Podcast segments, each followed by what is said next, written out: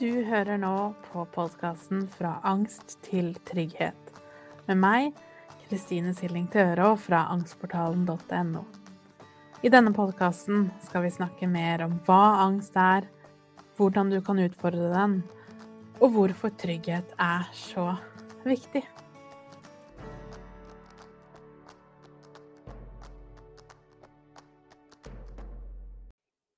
Hei og velkommen til episode 82. Og i dag så skal jeg snakke om emosjonelt umodne foreldre. Så det er rett og slett til deg som har foreldre som det kanskje er vanskelig å snakke med, som kanskje er mer opptatt av sine følelser, sine reaksjoner enn dine, og de sporene det har satt hos deg. Som vanlig så kan du se videoversjonen på YouTube, og lydversjonen finner du der hvor du vanligvis hører på podkast. Så det som inspirerte dagens video, det var et spørsmål jeg fikk på Instagram. Og hvis du forresten har lyst til å spørre om noe, eller du vil ha et tema som eh, Eller du har et tema som du vil jeg skal snakke om i en fremtidig episode, send meg gjerne en melding på Instagram eller en mail, så blir jeg veldig, veldig glad for det. Så jeg starter med å lese opp dagens spørsmål. Og jeg har endret litt på detaljene, sånn at det ikke skal være så gjenkjennbart. Eh, I hvert fall noen ord her og der, bare sånn at du vet det. Og du som sender inn, bestemmer jo selv hvor anonymt det skal være. Men dette er altså dagens spørsmål. Jeg synes det er vanskelig nå som voksen å skulle sette grenser for en forelder. Sikkert fordi jeg heller ikke vet hva jeg vil, og tviler fort på egen oppfatning. Det går an å snakke med personen, men man må gjennom mye bortforklaring, gaslighting, og personen legger gjerne følelsene sine i mine hender, og har da gjerne store følelser. Da føler jeg at jeg er pliktig til å hjelpe, og det er lettere å bare være people pleaser. Det med grensesetning når det gjelder foreldre, synes jeg er skikkelig vanskelig. Og det er skikkelig vanskelig. Og det tenkte jeg skulle snakke litt om. Eh, men først og fremst tenker jeg at vi, som vi ofte gjør, vi må litt sånn tilbake i tid. Og så må vi forstå barnet. For ethvert barn blir jo født og med rent biologisk behov som handler om å like foreldrene våre. Og vi trenger å få foreldrene våre til å like oss. Fordi vi trenger å bli tatt vare på. Og hvis de rundt oss ikke ønsker å ta vare på oss, så vil vi dø. Og det høres ganske hardt og brutalt ut, men det er realiteten. Ethvert spedbarn er helt prisgitt de som ønsker å ta vare på de. Og så når vi da vokser opp, som jeg veldig ofte snakker om, for det er veldig relevant til angsten, så lærer vi jo på godt og vondt hvordan vi skal forholde oss til oss selv, til omgivelsene. Vi lærer jo alt om hvordan vi eh, skal tenke, hvordan vi skal forholde oss til følelsene våre. Vi lærer hva er det vi syns er viktig som familie, hva syns vi ikke er viktig. Ehm, alle små og store regler og normer lærer vi jo gjennom oppveksten. Og det trenger ikke nødvendigvis bare å være hjemme. Det er jo selvfølgelig både i barnehage, etter hvert i skole, etter hvert venner osv. Så, videre, så vil vi jo lære hvem vi er i forhold til de andre. Og det store, store eh, problemet eller utfordringen når det kommer til nettopp, nettopp foreldre som emosjonelt sett, altså følelsesmessig, ikke er helt på plass i seg selv, eller kanskje ikke har gjort den indre jobben selv som kreves for å måte, forholde seg til sin egen oppvekst, så vil jo gjerne også disse foreldrene ha litt vansker med å nettopp navigere barnets følelser. Og veldig standard da er jo f.eks. at det kanskje er foreldrene sine følelser og reaksjoner som blir de viktige. Og så blir fort, eller barnet får fort en litt sånn terapirolle. At de skal støtte opp under og hjelpe forelderen i den den personen går igjennom, i stedet for at det jo er egentlig motsatt. At barnet trenger en trygg voksen til å geleide seg gjennom. Og det betyr ikke det samme som at, vi, eh, at det er veldig enten-eller. For jeg tror alle foreldre, meg inkludert, har hatt mange episoder hvor det ikke var tilfellet. For vi er bare mennesker. Vi blir slitne, vi blir lei, vi blir overvelda. Og så kanskje vi reagerer på en måte som vi ikke hadde tenkt oss, eller vi får et eller annet følelsesutbrudd som blir litt mye. Men kanskje den største da forskjellen fra et menneske som har gjort jobben med seg selv, og er bevisst på seg selv, og en forelder som vi snakker om i denne episoden, er jo også evnen til reparasjon. Så det å kunne snakke med barnet ditt om at 'nå hadde jeg en sånn reaksjon', eller 'nå hadde jeg mye store følelser', og vise i praksis hvordan er det når måte, livet skjer og vi får store følelser, hvordan kan vi forholde oss til oss selv på en god måte? Så dette her handler altså ikke om at man enten er en, perfekt forelder, eller en forelder med mye angst eller mye følelser og ikke klarer å måte, forholde oss til oss selv, men det handler mer om forelderens evne til å se inn i seg selv.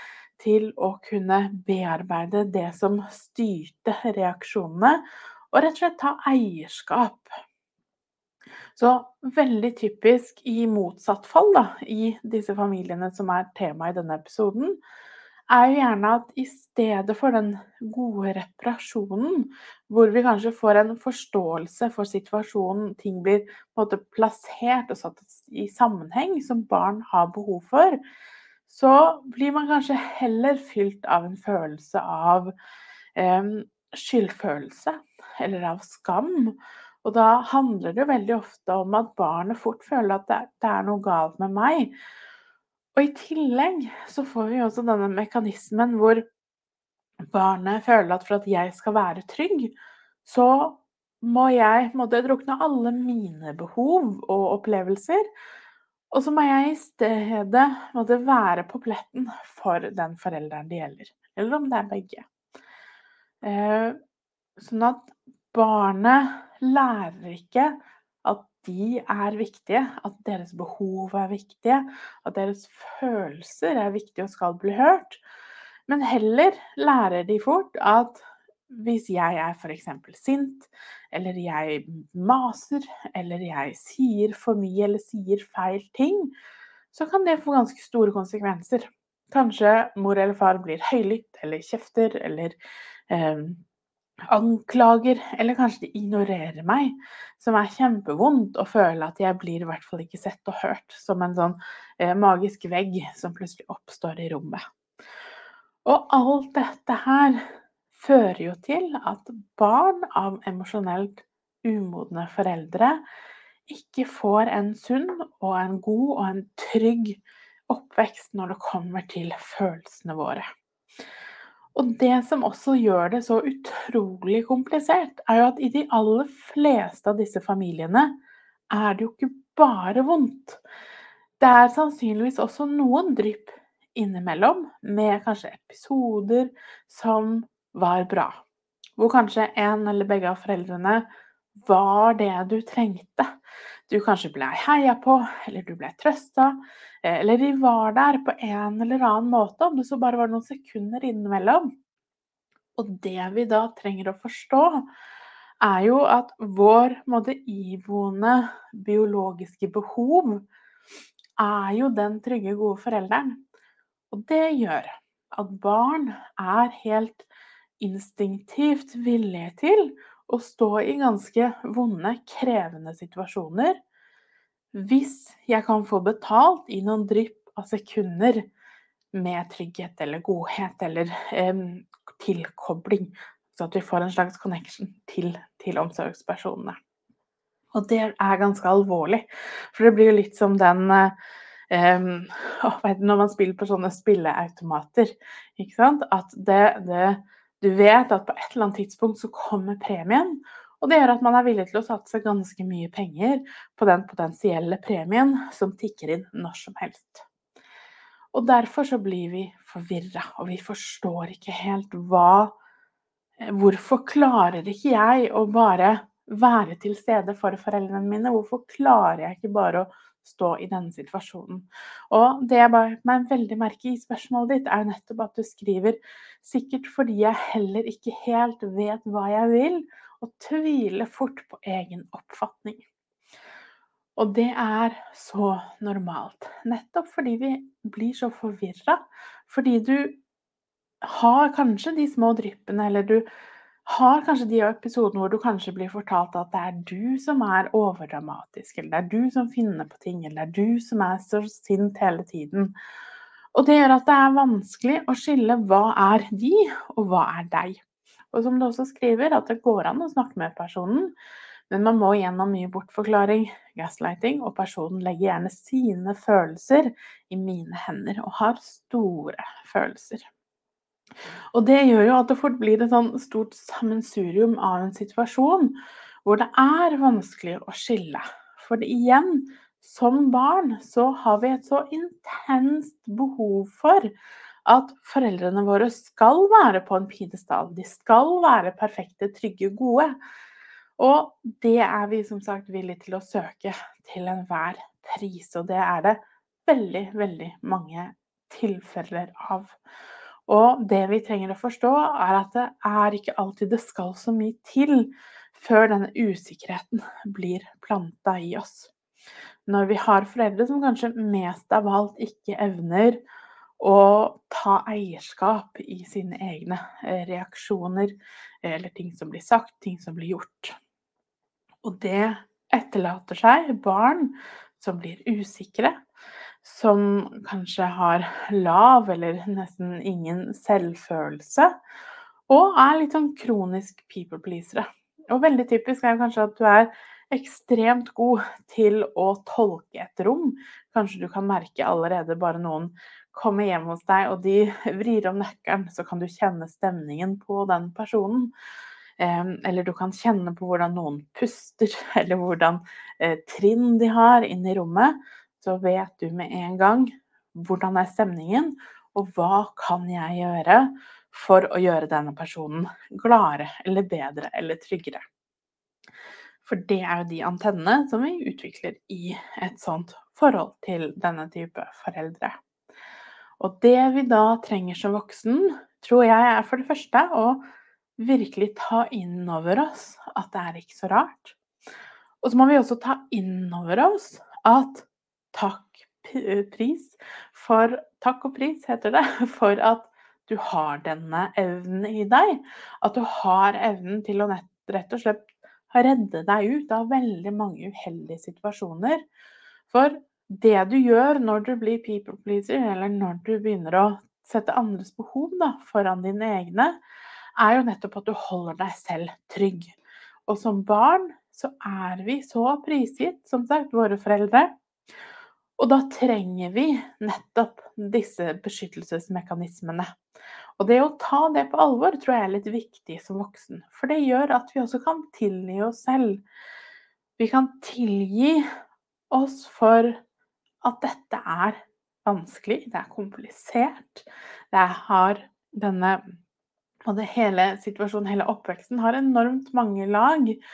Og du kan kjenne hvordan du både ønsker å forholde deg til disse menneskene, og samtidig ønsker å komme deg langt vekk, og det er helt normalt. Så vit at dette her er krevende. Og for noen så er det beste å gjøre å bryte kontakt. Rett og slett at vi trenger å måte, klippe av den snora for å enten på, en, på kort tid eller for alltid å ta vare på deg selv, fordi det å være i den, den dynamikken er skadelig nok i seg selv. Eller i andre situasjoner handler det mer om å kanskje minimere kontakt, eller finne måter å ha kontakt på som gjør at du ikke alltid tar så mange steg bakover for hver interaksjon. Så ta godt vare på deg selv, og vit at alle tankene følelsene og opplevelsene du har, er ekte. Det er normalt å være forvirra, og det er normalt å ikke alltid se helt opp og ned på ting. Det er normalt å være sint og frustrert og lei seg. For det å bryte med en forelder, eh, det er det ingen barn som gjør på en enkel måte eller med letthet ethvert barn som bryter med en forelder, har gått enormt mange runder med seg selv Og sannsynligvis så har det gått mye, mye lengre enn det hadde trengt å gått. Eller det har vært forsøkt veldig mange ganger før det faktisk ble gjort. Og derfor så står det enorm respekt av det valget, for det er beintøft. Det er ikke sånn at bare fordi vi bryter, så har vi automatisk fått til noe bedre. Det er bare det at noen ganger så er kanskje den smerten av å bryte litt mindre enn smerten av å opprettholde forholdet. Så ta godt vare på deg selv. Pass på at nå er det dine behov som kanskje for første gang skal stå i fokus.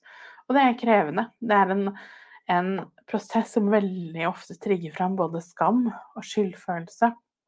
Og ikke minst utmattelse. Så ta det helt stegvis.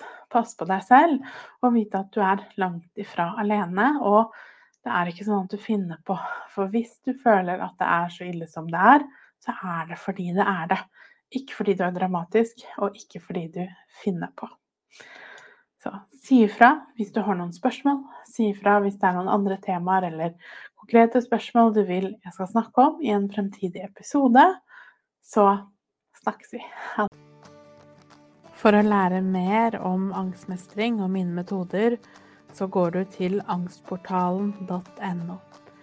Du finner meg også på Instagram som Angstpedagogen, og på Facebook som angstportalen.no. og Der har jeg også en gratis Facebook-gruppe hvis du har lyst til å komme i gang og bli kjent med andre som har det på samme måte.